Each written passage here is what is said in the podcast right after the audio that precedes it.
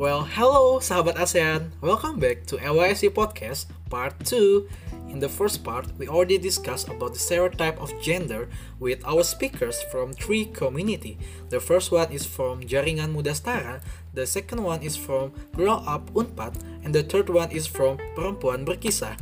So, in the second part, we will discuss about the gender itself, and there will be a question and answer that will be led by the moderator with our three speakers. So check it out. Uh, di pembahasan kali ini uh, kita mau membahas mengenai dampak yang ditimbulkan oleh stereotip gender di masyarakat. Nah mungkin kan uh, teman-teman mungkin partisipan di sini ada yang belum tahu apa sih dampaknya atau mungkin belum sadar. Dari itu mungkin mereka tahu, cuman belum sadar kalau itu adalah dampak dari stereotip gender. Nah menurut perwakilan dari para perwakilan dari komunitas boleh ditanggapi poin uh, kedua komunitas ya aku pengen Habidi dulu deh yang duluan sekarang oke okay. um, mengenai dampak uh, dari stereotip yang ada ini uh, buat aku uh, apa ya sebenarnya kerasa kerasa di pengalaman pribadi beberapa kali uh, ketika misal um, mungkin salah satu contohnya agak nyambung sama yang uh, Kamilani tadi sampaikan gitu ya uh, ketika uh, perempuan uh, lebih apa ya mendapatkan jabatan yang uh, bisa dikatakan tinggi begitu.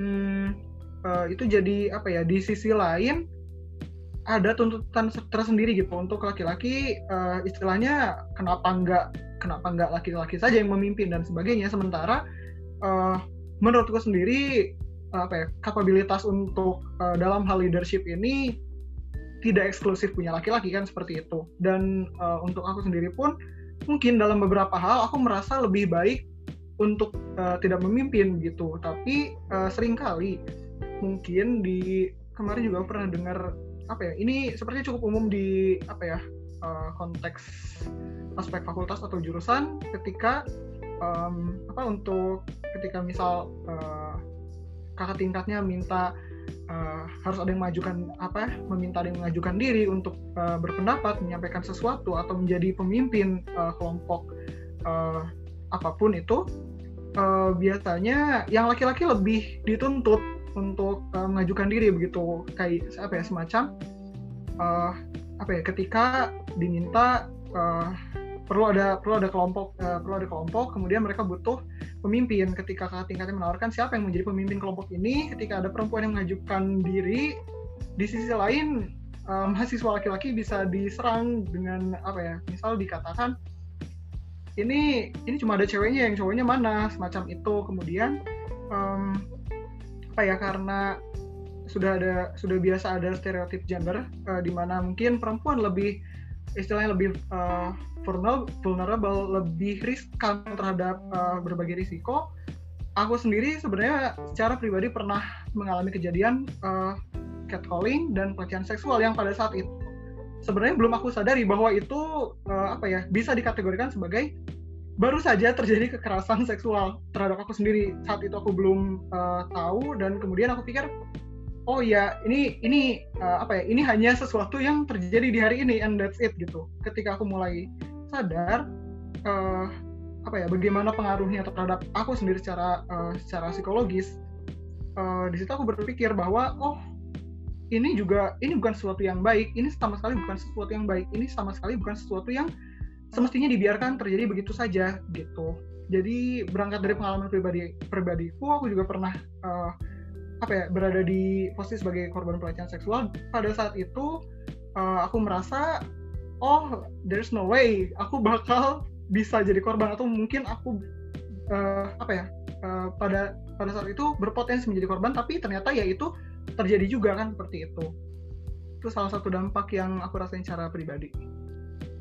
Oke, jadi sebenarnya mungkin banyak banget um, di sekitar kita itu jadi saksi atau mungkin jadi korban dari um, gender stereotype itu sendiri. Cuman mungkin mereka belum paham jadi mereka belum sadar. Dan makanya hal-hal um, kayak gini tuh penting untuk dipahami ya teman-teman semuanya.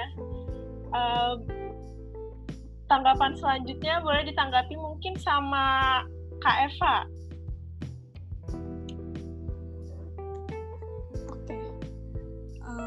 namanya? Tadi sudah sebenarnya juga sama Bidi uh, Kak Bidi sudah di apa sih namanya di, uh, dijelaskan gitu ya dampak-dampaknya. Dan uh, aku juga sedikit cerita dampak misalnya di uh, dampaknya itu yang pertama adalah uh, kesempatan. Jadi kesempatan untuk perempuan berkarya ber apa namanya memimpin itu jelas-jelas uh, apa namanya sangat di sangat tidak diberikan kesempatan. Misalnya contoh waktu aku kuliah kebidanan gitu kan, yang notabene sekolah stikes itu adalah banyaknya perempuan, tapi dijegal sama uh, dosen karena aku perempuan. Jadi dosen itu lebih memilih mahasiswa yang uh, ada di keperawatan karena dia laki-laki. Padahal sangat disayangkan gitu. Padahal di uh, di dunia medis sekarang pun uh, apa namanya banyaknya tuh perempuan gitu yang menjadi tenaga medis tapi lagi-lagi kalau misalnya menjadi kepala ruangan itu lebih banyak laki-laki gitu padahal perempuan tuh banyak itu itu karena karena stereotip tadi yang menganggap bahwa oke perempuan tuh baperan perempuan itu uh, cengeng. Jadi akhirnya perempuan tidak uh, tidak diberikan kesempatan perempuan tidak diberikan apa namanya kesempatan kemudian juga tidak diberikan uh, waktu untuk membuktikan bahwa dirinya tuh mampu gitu karena stereotip tadi. Kemudian juga uh, untuk di ranah kampus misalnya banyaknya uh, candaan yang dianggapnya tuh itu tuh hal biasa tapi ternyata itu adalah bentuk dari pelecehan sebenarnya. Contohnya misalnya kemarin uh, kita juga sedang mengadvokasi kasus yang ada di UIN Jakarta. Membuat uh, grup dengan nama predator maba. Dan grup tersebut berisikan uh, apa namanya uh, berisikan foto-foto uh, dari maba 2020 dan ternyata itu ada dan nyata gitu hal-hal yang seperti ini tuh. Karena uh, ketika kita menanyakan kepada pelaku kenapa kalian melakukan hal tersebut? Karena mereka menganggap bahwa uh, ya itu wajar kali. Lagian kok mahasiswa UIN nggak pakai kerudung di di foto WhatsAppnya. Ya jadi jelas-jelas kami uh, mengatakan bahwa ini bisa di BO nih karena si pelakunya mengatakan wah ini bisa di BO nih soalnya nggak pakai kerudung. Kemudian juga pakaiannya seksi. Nah ini juga yang mengakibat uh, ini juga dampak dari stereotip tadi. Kemudian juga uh, apa namanya menganggap bahwa ketika perempuan memakai tidak memakai kerudung eh, laki-laki tersebut dengan gampang melecehkan. Eh, laki-laki tersebut dengan gampang uh, apa namanya mengatakan bahwa wah ini bisa dipakai ini bisa di BO nah ini juga dampak-dampak yang sebenarnya apa ya namanya sederhana tapi ada dan nyata gitu yang benar-benar harus kita sadarkan bersama bahwa hal-hal itu tidak di, tidak ada toleransi gitu. Walaupun alasan lo bercanda alasan lo misalnya apa namanya ya udah biasa kok mengeluarkan kata-kata kotor uh, untuk perempuan. Nah, itu juga yang harus dibasmi sebenarnya. Kayak gitu sih. Iya, bener banget Kak Eva. Aku pernah lihat sih selewat tentang kasus yang predator maba itu, itu emang bener ngeselin banget. Oke. Okay. Selanjutnya, Kak Madewanti dipersilahkan untuk menanggapi um, aku sepakat ya. Jadi uh, sekarang kita kan punya sudah punya perspektif yang uh, sama gitu ya. Jadi ternyata memang uh, dampak dari stereotype gender ini memang itu luar biasa ya. Kalau misalnya aku sebutkan itu memang tadi uh, sudah ada di empat dimensi. Misalkan fisik misalnya. Jadi stereotip gender dalam bentuk fisik itu kan kelihatan ya. Misalnya nih kayak tadi tuh ada dalam chatting uh, uh, yang mengucapkan bahwa eh, yang menuliskan bahwa kalau laki-laki tuh harus pakai uh, warna-warna yang maskulin gitu. Jadi harus merah hitam gitu. Kalau pakai pink gitu tuh nggak boleh misalnya. Padahal nyaman-nyaman aja kita menggunakan pakaian yang distereotipkan untuk gender perempuan misalnya. Lalu kita juga jangan lupa ternyata stereotip gender itu juga berdampak pada sisi psikologis. Misalnya tadi sudah ditentukan bahwa perempuan itu baperan gitu ya, perempuan itu emosional, dia nggak rasional, jadi nggak mungkin bisa jadi pemimpin. Nah ini kan ini sesuatu hal uh, bagian dari bentuk kekerasan uh, secara psikologis gitu dan selama ini uh, kita atau sebagian besar masyarakat masih uh, melanggengkan hal ini. Termasuk juga misalkan uh, dampak stereotip secara psikologis itu adalah tadi misalnya kayak misalnya bahwa di dalam proses adanya maba gitu maba ya mahasiswa baru jadi ada hal-hal tertentu yang me me menyebutkan bahwa kalau maba perempuan tidak pakai tadi ya tidak pakaian pakaiannya itu tidak uh, sesuai dengan standar uh, di kampus tersebut yang harus pakai uh, pakaian tertentu, misalnya pakai jilbab karena memang itu kampus uh, berbasis Islam dan lain sebagainya. Ini kan adalah bentuk stereotip uh, gender dalam bentuk fisik dan psikologis yang membuat si perempuan misalnya mahasiswa ini jadi dia ngerasa bersalah. Aduh kalau misalnya aku nggak pakai jilbab aku akan uh, dibilangin uh, omong uh, di, dikatain tadi ya uh, gampangan lah uh, bisa di BO dan lain sebagainya. Itu udah bagian dari bentuk dari kekerasan psikologis yang orang yang melakukannya juga nggak nggak menurut aku ya nggak ada akhlak. Menurut aku nggak ada alak sama sekali gitu. Jadi mereka tuh uh, mengobjektifikasi perempuan secara seksual hanya karena bentuk fisik dan psikologisnya. Nah, jangan lupa juga bahwa perempuan itu juga mengalami uh, namanya stereotip secara seksual. Jadi kalau misalnya perempuan, misalnya nih bagi teman-teman yang uh, mau menikah gitu atau saat ini sedang berpasangan, kalau perempuan tuh secara seksual tuh harus pasif, harus submisif, nggak boleh aktif gitu kan ya, nggak boleh misalnya nih kalau misalnya uh, dalam relasi uh, romantis gitu, nggak boleh ngajak pergi duluan gitu pokoknya harus yang yang dalam tanda kutip yang soleh itu adalah ses seseorang yang pasif lah, yang manis dan lain sebagainya. Termasuk juga uh, kalau misalkan dalam dimensi seksual itu perempuan itu kemudian dan laki-laki menurut aku uh, dia men mendapatkan diskriminasi uh, dari sisi uh, apa namanya ya uh, hal yang shaming. Jadi misalnya gini, kalau dia kulitnya hitam nih kayak aku nih, aku kan tidak putih itu dapat shaming tertentu. Jadi ada standar cantik buat perempuan harus rambutnya lurus, mukanya nggak boleh ada jerawatnya dan lain sebagainya. Kalau laki-laki harus six pack lah perutnya. Coba nih laki-laki six pack nggak perutnya. Kalau nggak kamu belum laki-laki maskulin. Kan suka kayak gitu. Harus ngerokok, harus minum kopi dan lain sebagainya. Ini adalah ini adalah bagian dari stereotip gender yang kita sama sekali sampai hari ini mungkin rasanya sepele tapi sebenarnya itu adalah melanggengkan bentuk kekerasan. Yang terakhir adalah soal kekerasan ekonomi ya. Jadi uh, gender dalam bentuk ekonomi. Jadi kalau di ranah ekonomi yang diutamakan adalah laki-laki. Laki-laki itu pencari nafkah utama. Laki-laki itu adalah kepala keluarga. Ya kan ya kalau misalkan di undang-undang uh, perkawinan kita kan masih seperti itu, masih heteronormatif ya. Uh, kemudian tidak melihat bahwa ada loh beberapa laki-laki yang memang dia tidak mampu dalam hal ini dia tidak punya kapasitas untuk menjadi pemimpin dalam keluarga. Misalnya atau misalnya dia memang tidak punya kapasitas untuk mencari uang.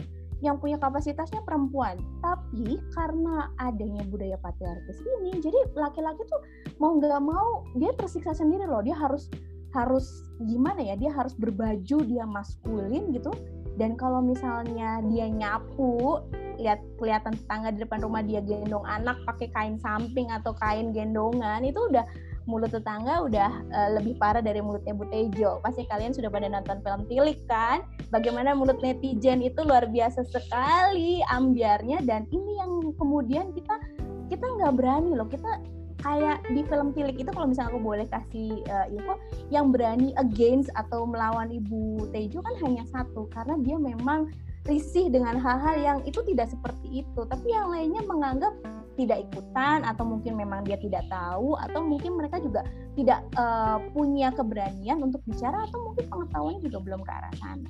Nah kira-kira seperti itu yang bisa aku sampaikan Amel. Wah terima kasih Kak Madewanti.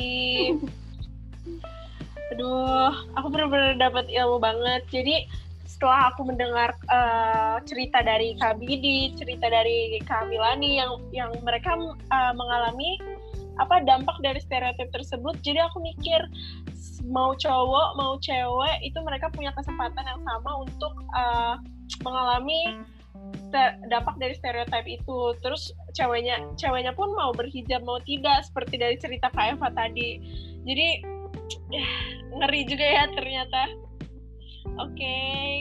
karena pembahasannya udah selesai, uh, pembahasan poin kedua ini akan dibuka sesi question and answer. Aku lupa ngingetin sih sebenarnya tadi audiens sudah bisa uh, mengajukan pertanyaan. Coba kita cari pertanyaan ya.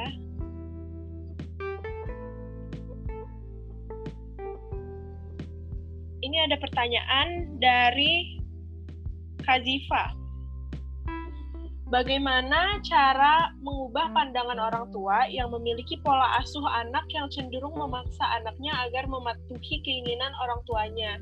Seperti misalnya anak laki-laki nggak boleh nangis, itu stereotip um, maskulin banget. Dan kebanyakan di saat kita memberikan pengertian, kita dianggap tidak sopan. Mungkin Kak Eva ya? Oke. Uh, mungkin nanti bisa dibantu oleh Kamade ya yang lebih jadi apa sih namanya terkait apa sih namanya terkait bagaimana sih pandangan uh, apa bagaimana caranya untuk kita uh, apa namanya menanggapi pandangan orang tua yang masih stereotip dan lain-lain. Uh, aku sedikit cerita juga sih sebenarnya karena aku juga lahir dari uh, ini pengalaman pribadiku aku lahir dengan ibu yang sangat-sangat uh, apa namanya sangat-sangat uh, apa ya mengatur gitu apa yang ingin anaknya harus lakukan kayak gitu. Nah kayak misalnya contoh aku kuliah kebidanan akhirnya mau tidak mau aku menuruti padahal aku sendiri tidak menyukai uh, dunia kesehatan kayak gitu. Akhirnya aku jalani selama tiga tahun sampai lulus aku akhirnya mengatakan aku pengen kuliah hukum mah karena memang dari awal passionku di hukum gitu kan. Kemudian akhirnya masih tetap masih tetap apa namanya masih tetap kekeh tuh nggak boleh kamu fokus aja di kebidanan lanjutin kuliah kebidanan lagi aja katanya gitu kan. Uh, karena kan uh, dan tujuannya uh, aku dikuliahin kebidanan itu biar dapetnya tuh cowok-cowok yang kayak polisi TNI ya kayak gitulah lagi-lagi gitu kan. Dan akhirnya aku apa namanya akhirnya aku melawan itu karena uh, setelah kuliah kebidanan ini aku belajar terkait isu-isu perempuan, isu-isu gender gitu kan, ketemu teman-teman yang memang fokus di isu tersebut gitu. Akhirnya aku memberanikan diri untuk aku keluar dari zona nyamanku bahwa sebenarnya itu bukan aku gitu. Akhirnya aku keluar, aku mengatakan uh, aku pulang ke rumah bahwa mah aku sudah daftar kuliah hukum di kampus ini. Sampai akhirnya mau memang di awalnya dimarahin tuh awalnya dimarahin wah gini gini gini, tapi ketika uh, aku membuktikan bahwa aku memiliki potensi di di ranah hukum dengan aku mengikuti apa namanya uh, mengikuti gerakan perempuan kemudian juga magang-magang di lembaga bantuan hukum melihat uh, ibuku melihat mungkin ibuku melihat potensi aku yang memang uh, apa namanya passionnya di uh, di dunia hukum gitu akhirnya ya akhirnya menyetujui. Jadi mungkin caranya bisa dengan meyakinkan juga mungkin dalam artian kalau misalnya lewat omongan kadang suka dibantah juga kadang suka dia apa namanya kadang suka udahlah ngeyel dikasih tahu. Ya mungkin perlu juga tindakan dari kita apa sih namanya dalam artian kita lawan dulu kita lawan dulu kemudian kita buktikan bahwa ini loh hasil dari uh, pilihan gue kayak gitu. Itu sih menurut aku karena itu juga dirasakan kayak gitu. Aku rasakan hari ini gitu sih ah, semangat Kak Eva. Makasih banget ceritanya. Jadi kita harus berani terlebih dahulu tapi kita juga harus membuktikan kalau nih ini nih gitu ya. Jangan jangan ngebohong intinya kayak gitu. Oke mungkin boleh dilanjut sama Habidi dulu deh. Oke. Okay. uh, eh, sorry bentar. Tadi pertanyaannya tuh yang uh, um, mengenai pan pola asuh orang tua yang memaksa. Okay. Okay, mengenai pola asuh ini uh, kalau misal apa ya, secara langkah konkretnya juga aku sejujurnya nggak terlalu terpikir karena um, apa ya ini konteksnya uh, bisa dibilang intervensi gitu terhadap uh, keluarga gitu ya. Um, tapi kalau misal dari kita sendiri uh, kemudian dari nantinya dari audiens hasil diskusi ini uh, aku harap apa ya kita bisa menanamkan uh, pola asuh yang apa ya yang istilahnya tidak sediskriminatif ini gitu. Terutama uh, di sini kalau misal uh, mereka punya anak laki-laki kemudian dia nggak boleh nangis dia nggak boleh ini dan sebagainya uh, itu juga dari apa yang aku pelajari sejauh ini um, itu bisa berpengaruh berdampak uh, terhadap uh, si anak ini ketika dia uh, beranjak ke masa dewasa di mana dia mungkin nggak merasa secure atas dirinya sendiri. Dia nggak merasa benar-benar bisa menjadi dirinya sendiri karena sudah terbiasa uh, emosinya diri press sejak dini dan itu sama sekali bukan hal yang baik gitu. Um, terutama ya sesimpel uh, sesederhana laki-laki nggak kamu kamu kenapa nangis kamu laki-laki dan sebagainya. Yang harus kita sadari juga balik lagi bahwa manusia pada um, apa ya pada hakikatnya juga memiliki emosi. Manusia punya perasaan manusia berpikir uh, atas apa yang dia hadapi atas apa yang dia rasakan begitu kan. Uh, dan um, apa ya um, menurutku juga uh, kalau misal untuk uh, kita terhadap uh, keluarga seseorang misal teman kita tadi mengalami uh, masalah serupa dengan orang tuanya uh, mungkin secara pelan-pelan kita bisa kasih pengertian baik-baik uh, bahwa uh, apa ya semacam uh, bapak ibu, anak bapak ibu ini juga uh, memiliki perasaan sebagaimana sebagaimana manusia pada umumnya. Mereka berhak untuk menangis, mereka berhak untuk um, uh, mengeluarkan atau mengekspresikan emosinya karena uh, itu juga merupakan uh, salah satu apa ya dengan mereka bisa mengekspresikan emosi itu sebenarnya malah uh, jadi salah satu tanda yang baik bahwa oh iya anak ini uh, bisa bisa aware terhadap apa yang bisa membuat dia merasakan perasaan tertentu dalam situasi tertentu seperti itu. Okay. Boleh nanti ditambahkan oleh Kak Made. Pasti. Terima kasih Kak Bidi atas tanggapannya. Kak Made langsung hmm. Aku jadi merasakan apa yang dirasakan sama Kak Bidi karena aku punya adik laki-laki sekarang sudah uh, almarhum ya. Jadi um, yang apa pola jadi gini Eh, kita ini aku boleh boleh bilang bahwa aku generasi masih sama kayak kalian ya walaupun aku udah angkat 30 kesekian gitu umurnya. Nggak mau tua.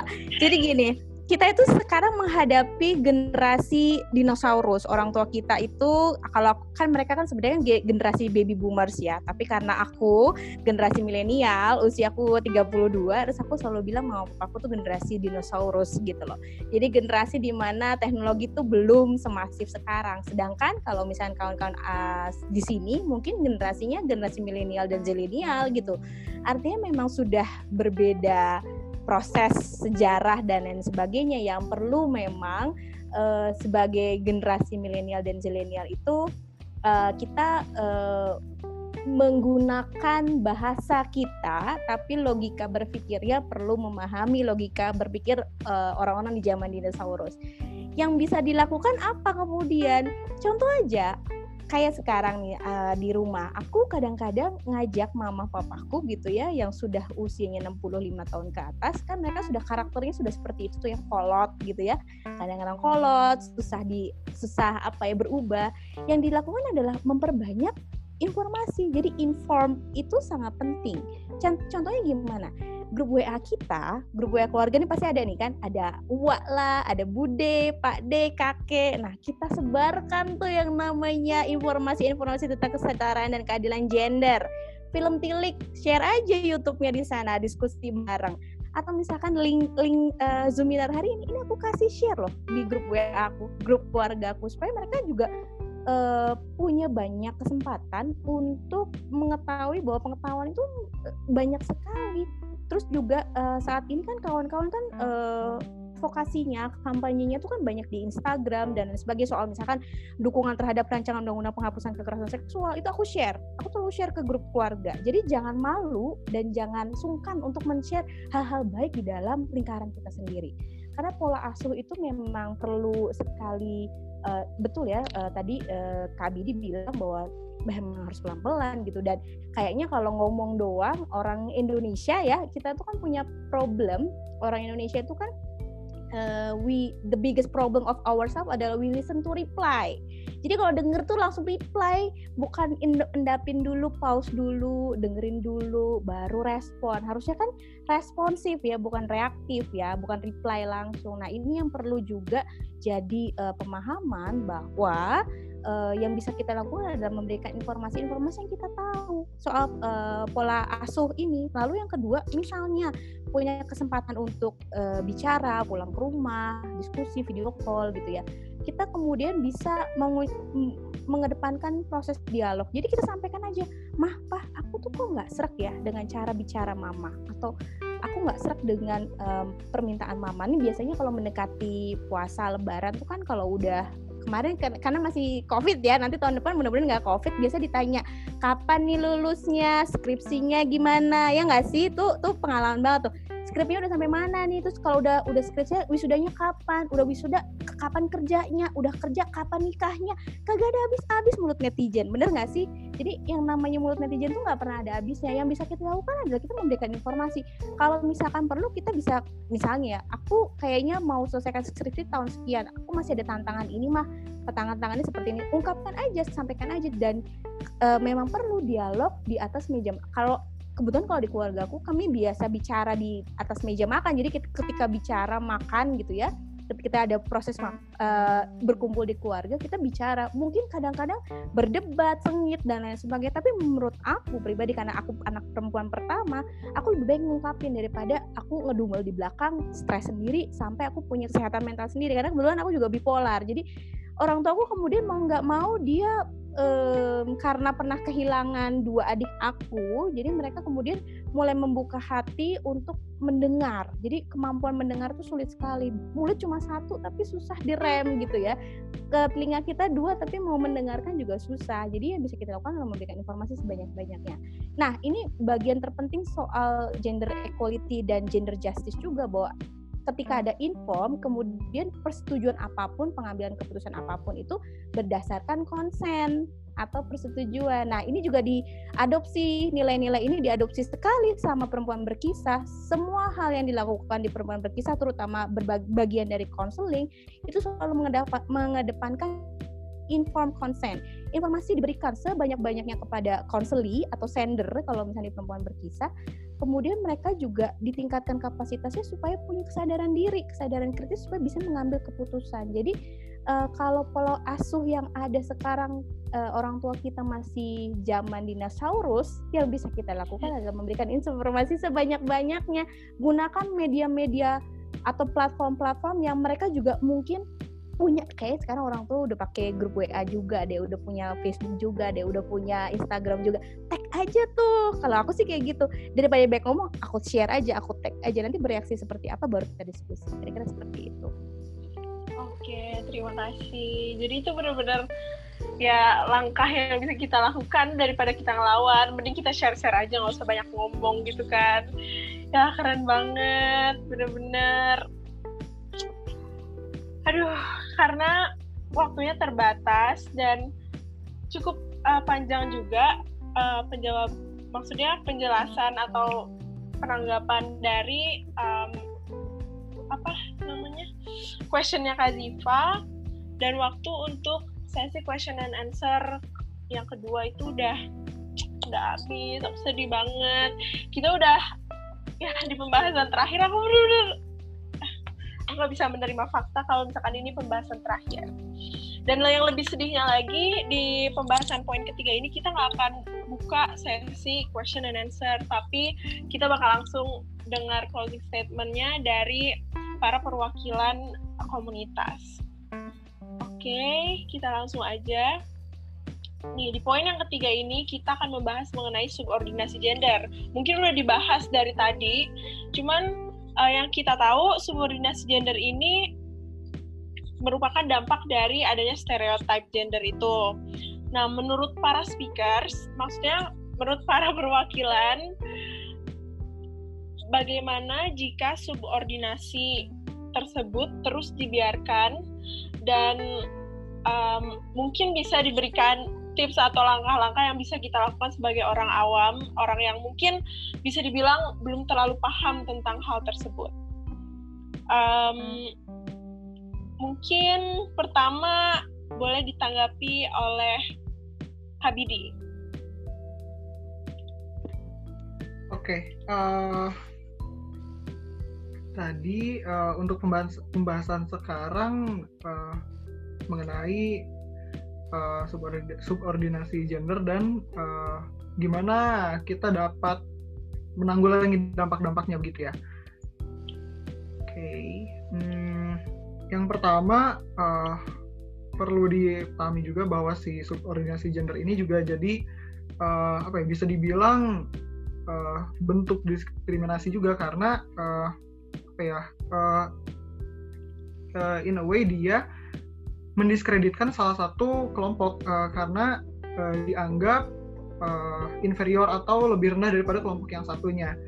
Uh, kemudian dampaknya juga tadi sudah uh, beberapa kali dibahas uh, adanya kesempatan yang berbeda, kemudian uh, adanya apa ya, um, adanya tekanan baik secara fisik maupun psikologis yang akan dirasakan oleh uh, baik apa ya, baik uh, di, untuk uh, dalam masyarakat kita sekarang mungkin baik oleh laki-laki dan perempuan ya seperti itu.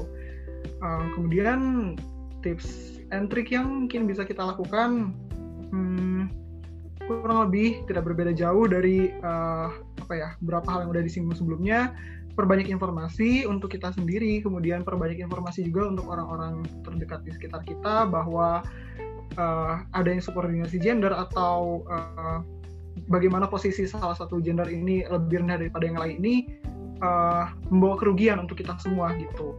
Uh, lalu perbanyak informasi um, terus membagikan informasi terus membagikan apa yang bisa kita bagikan kepada orang lain gitu. Se apa ya sekecil kecilnya yang bisa kita lakukan itu akan uh, berdampak pada hal baik uh, yang jauh lebih luar biasa di masa mendatang gitu hopefully.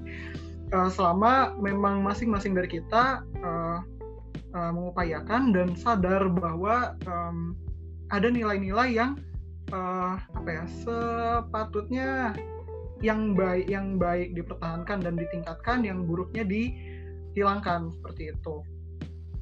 Mungkin dari dari aku uh, segitu dulu dari kakak-kakak yang lain silakan untuk menambahkan.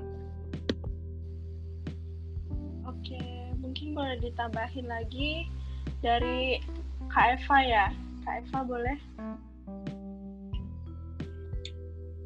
Oke, uh, jadi kan subordinasi ini adalah menganggap apa namanya kelamin atau gender apa uh, salah satu itu lebih unggul ya. Di sini mungkin bisa dilihat laki-laki lebih unggul dibanding perempuan.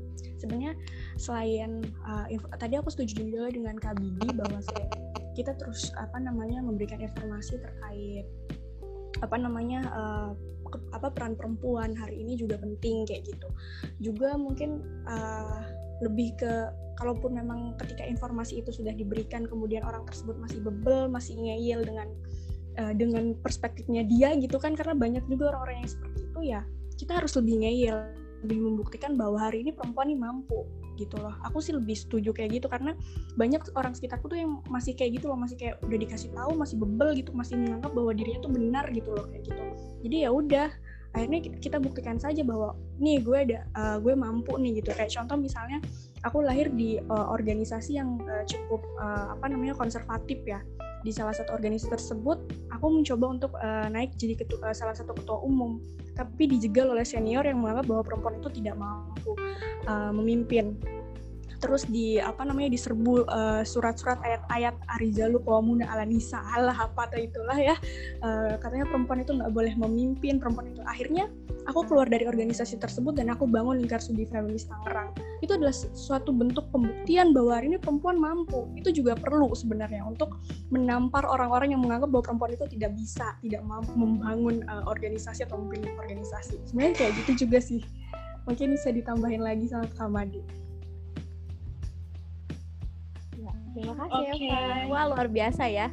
Nih uh, Kak Bidi sama Kak Eva nih adalah uh, person-person yang juga kita bisa uh, belajar. Termasuk aku juga banyak belajar sebenarnya di dalam Zoominar hari ini bahwa ternyata banyak loh komunitas di luar sana yang uh, kita bisa berjejaring dan kolaborasi. Soal subordinasi peran gender atau um, konstruksi gender tertentu ini sepertinya PR yang tidak berkesudahan kayaknya ya. Jadi menurut aku sampai hari ini uh, dengan berbagai macam adanya emansipasi atau bahkan uh, kesempatan yang diberikan kepada perempuan, tapi memang ada uh, mindset yang mengakar soal patriarki itu sendiri. Tapi jangan jangan heran juga bahwa ternyata nggak hanya laki-laki loh punya mindset patriarki seperti ini. Ada juga perempuan yang mindsetnya patriark dan kita perlu mengkritisi hal itu. Jadi tidak semua kemudian laki-laki mindsetnya patriarki, perempuan itu uh, lebih uh, tidak patriarki. Ada juga perempuan yang patriarki, bahkan ada laki-laki yang dia sudah mengadopsi nilai-nilai feminisme atau kesetaraan dan keadilan gender. Kayak misalnya Kak Bidi di sini itu adalah salah satu laki-laki yang sudah punya posisi keberpihakan terhadap keadilan dan kesetaraan gender. Nah, uh, tipsnya gitu ya uh, agak berat mis misalnya kalau misalnya ditanya gimana kemudian kita bisa mengurangi subordinasi uh, gender? Yang utama adalah memang uh, pengetahuan tadi ya knowledge itu sangat penting. Kemudian kita bisa berbagi pengalaman berbagi penguatan memperbanyak proses uh, peningkatan kapasitas atau capacity building dalam sesi. Karena lagi covid hikmahnya adalah semua bisa online gitu ya. Jadi kita perbanyak ruang-ruang diskusi seperti ini dan nanti hasilnya kontennya bisa disebarkan lebih ke lebih banyak lagi. Kemudian juga kita perlu berkolaborasi karena melawan dunia yang patria itu nggak bisa sendiri. Jadi kayak misalnya di Eva juga akhirnya berjejaring jadi uh, banyak lagi uh, aliansinya kawan-kawan yang sekubu yang punya perspektif yang serupa yang punya visi misi yang jelas kemudian keberpihakan yang jelas supaya nanti misalkan ada mereka yang statusnya saat ini jadi korban bisa kita dorong kemudian kita bantu kemudian secara bersama menjadi penyintas. Karena aku sendiri juga penyintas kekerasan seksual. Aku penyintas KDRT sebelumnya belum punya uh, cara berpikir seperti ini. Ketika aku banyak ditolong banyak meminta perbantuan kemudian banyak membaca, diskusi dengan kawan-kawan yang sudah tercerahkan, aku akhirnya bisa bicara dengan bebas, dengan merdeka seperti saat ini dan sangat kritis gitu ketika melihat masih ada ketidakadilan gitu ya, bahkan kekerasan dalam berbagai dimensi. Kekerasan itu tidak hanya fisik ya, kawan-kawan semua kekerasan tuh bisa jadi emosional, uh, kekerasan emosional, kekerasan psikologis, kekerasan ekonomi, kekerasan spiritual. Bahkan kalau tadi Eva tuh sampai kekerasan spiritual, udah di udah mau apa namanya mau berkesempatan gitu ya mengambil akses dan kontrol itu kemudian dihujani dengan ayat-ayat itu udah bagian dari kekerasan spiritual karena kemudian kita didefinisikan dengan bukan salah ayatnya, tapi interpretasi manusia terhadap ayat tersebut yang menggunakan nilai-nilai patriarkis. Jadi untuk aku, aku berterima kasih banyak nih kepada uh, eh, AYIC gitu ya dan kawan-kawan jaringan dan komunitas semua yang sudah uh, mengajak kerjasama perempuan berkisah. Di sini ada Mbak Alimah tuh aku lihat sudah bergabung Mbak Alimah founder dari perempuan berkisah. Juga ada kawan-kawan yang juga sering berkolaborasi dengan perempuan berkisah. Harapannya nanti Girl Up uh, Unpad bisa berkolaborasi dengan perempuan berkisah. Kemudian jaringan muda setara Eva yang uh, aku udah kenal Eva nih waktu zaman-zaman kita advokasi RUU PPKS di Komnas Perempuan. Uh, kita juga bisa bareng-bareng dan jangan lupa juga kawan-kawan yang di sini um, kami saat ini ya mungkin aku sedikit promosi soal uh, uh, mendorong rancangan undang-undang penghapusan kekerasan seksual karena ini bentuk nyata dari subordinasi terhadap perempuan. Bahkan tidak hanya perempuan seksualitas perempuan tubuh perempuan dan ternyata kita bisa tahu bahwa yang cenderung kena kekerasan seksual itu hanya perempuan loh laki-laki. Tadi Bidi juga udah sampaikan laki-laki sangat rentan juga. Jadi kita semua rentan terkena kekerasan seksual dan saatnya kita saat ini berposisi untuk mendorong uh, segera pengesahan rencana undang-undang penghapusan kekerasan seksual supaya subordinasi kepada perempuan atau gender apa pun baik itu orientasi seksual berbeda juga bisa dihapuskan. Kira-kira seperti itu Aduh, terima kasih banget Kak Wade. Tapi sebelum ah sebentar sebentar. Aku masih amazed banget sama um, statement dari semuanya. Aku benar-benar makasih banget karena di siang hari ini aku benar-benar dapet ilmu yang banyak banget ilmu-ilmu baru dan aku yakin um, ini pasti bermanfaat untuk kita ke depannya. Nah, sebelum uh, kita benar-benar mengakhiri diskusi kali ini, aku ada pertanyaan um, seperti yang kita tahu, uh, mungkin untuk Kamade dulu ya, Kamade Wanti. Seperti yang kita tahu, perempuan berkisah ini uh, memiliki sepak terjang dan uh, dalam memblow up kisah-kisah uh, perempuan tentunya untuk men menginspirasi kita semua. Nah, selama perempuan berkisah ini berdiri uh, menanggapi isu-isu tersebut, uh, uh, perempuan berkisah ini uh, mengharapkan output yang seperti apa sih kak?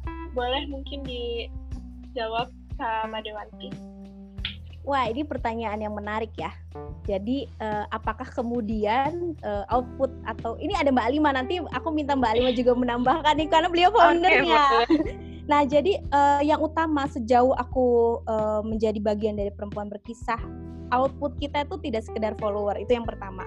Output kami itu sebenarnya saya bisa bisa bisa secara pribadi uh, menyatakan bahwa keberhasilan perempuan berkisah itu bukan sekedar keberhasilan komunitas, tapi bagaimana kemudian sender kalau kita sebutkannya ya, jadi uh, mereka yang sudah berani speak up itu um, kemudian merasa tidak sendiri itu penting ya. Jadi uh, bahwa ternyata uh, dimensi kekerasan dalam bentuk apa pun tuh dirasakan oleh sebagian besar perempuan gitu ya. Dan ternyata tidak semua punya ruang untuk bicara. Ini ini sebenarnya uh, refleksi besar dari perempuan berkisah bahwa tidak semua punya privilege atau privilege ya uh, hak keistimewaan untuk bicara, untuk bahkan untuk bisa ikut zoominar seperti ini nggak semua loh orang punya kuota bisa akses zoom misalnya gitu kan ya uh, apa kemudian yang menjadi uh, apa namanya sebentar sebentar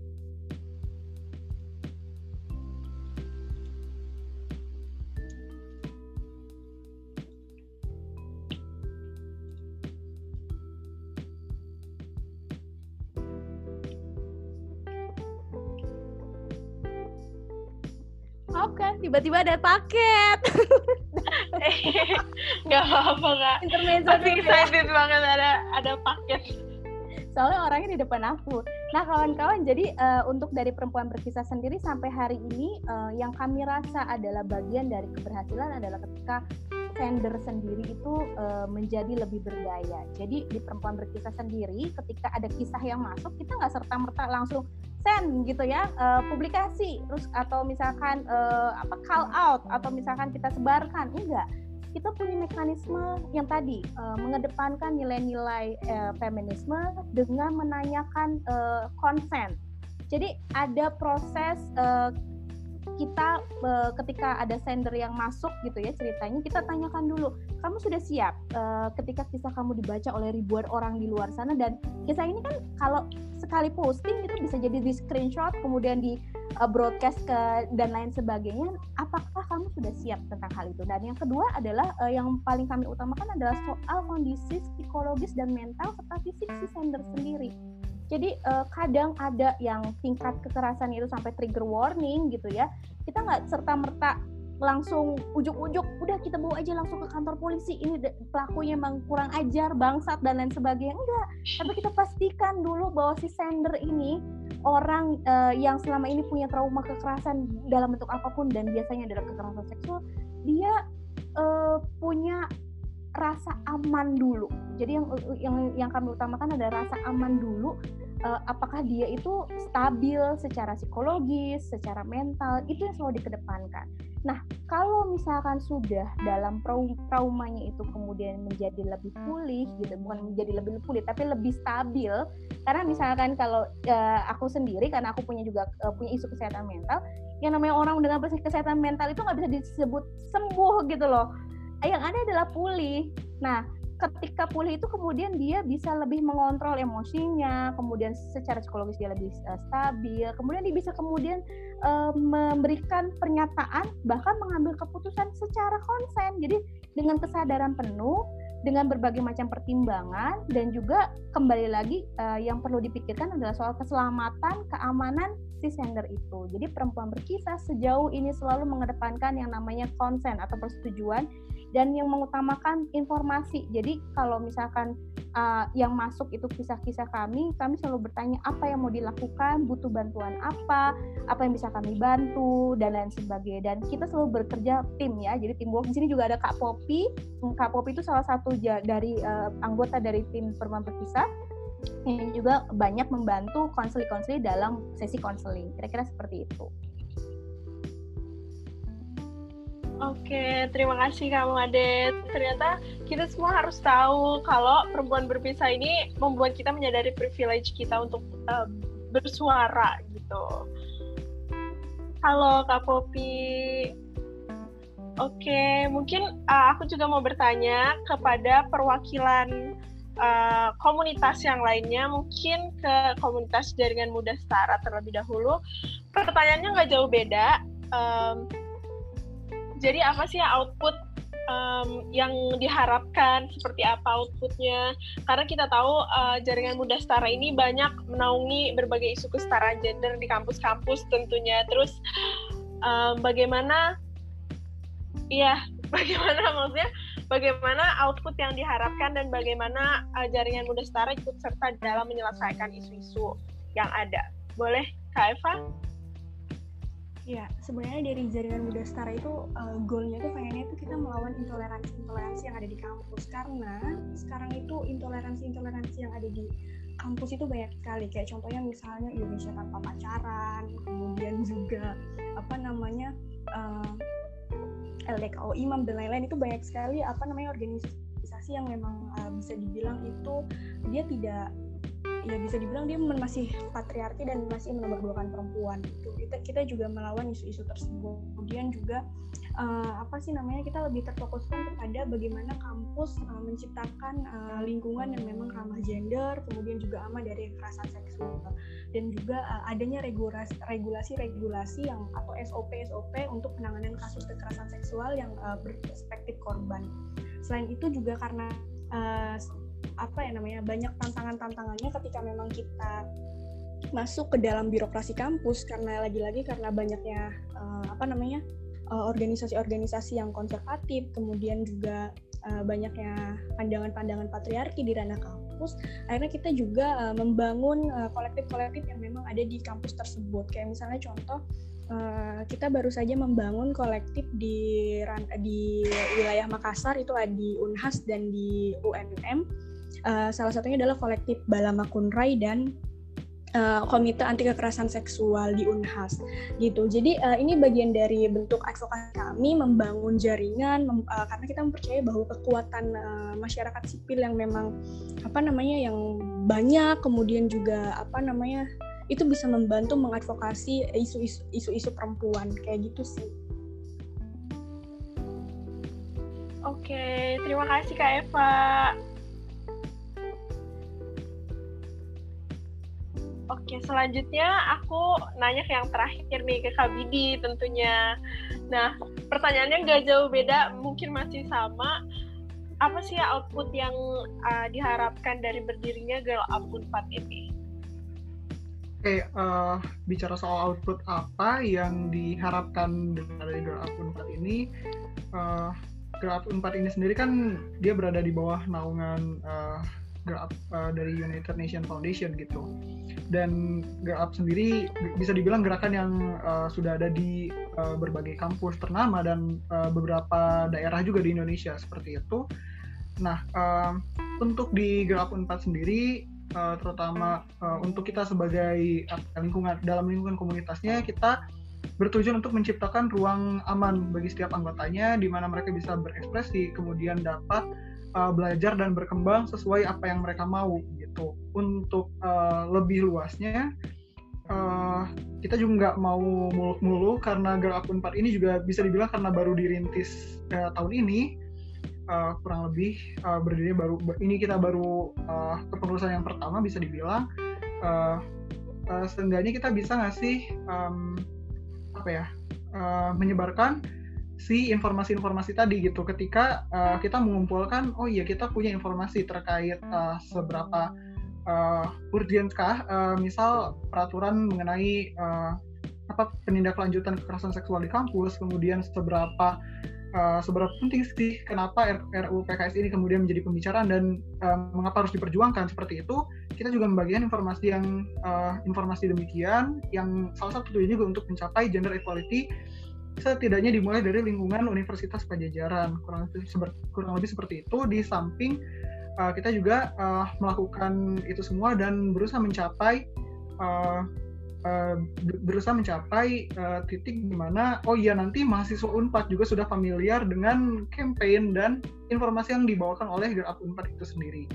Kurang lebih seperti itu. Oke, terima kasih Kak Bidi. Terima kasih banyak semuanya. Oke, jadi benar-benar kita mendapatkan ilmu-ilmu baru dan bermanfaat di siang hari ini. Aku terima kasih banget sama perwakilan komunitas yang udah menyempatkan hadir. Um, sebelumnya aku mau manggil Master of Ceremony-nya dulu untuk masuk. Halo Ziva.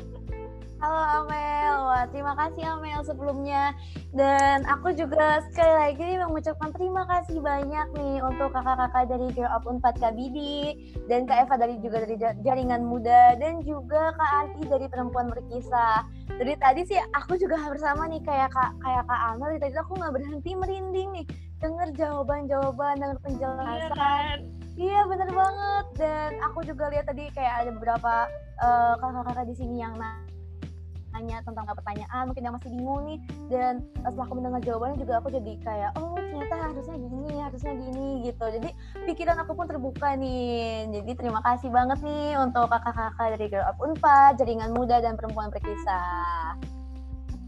Uh, nah, uh, selain dari itu, aku juga mau mengingatkan kembali nih, sahabat ASEAN, mau mengingatkan kembali kalau misalnya pendaftaran untuk AYIC 2020 ini sudah dibuka, sudah dibuka uh, regis uh, regular registrationnya. Nah, jadi jangan sampai kelewat sahabat ASEAN karena pasti nanti ini ini talk show-nya aja tadi kan kita udah rame banget ya.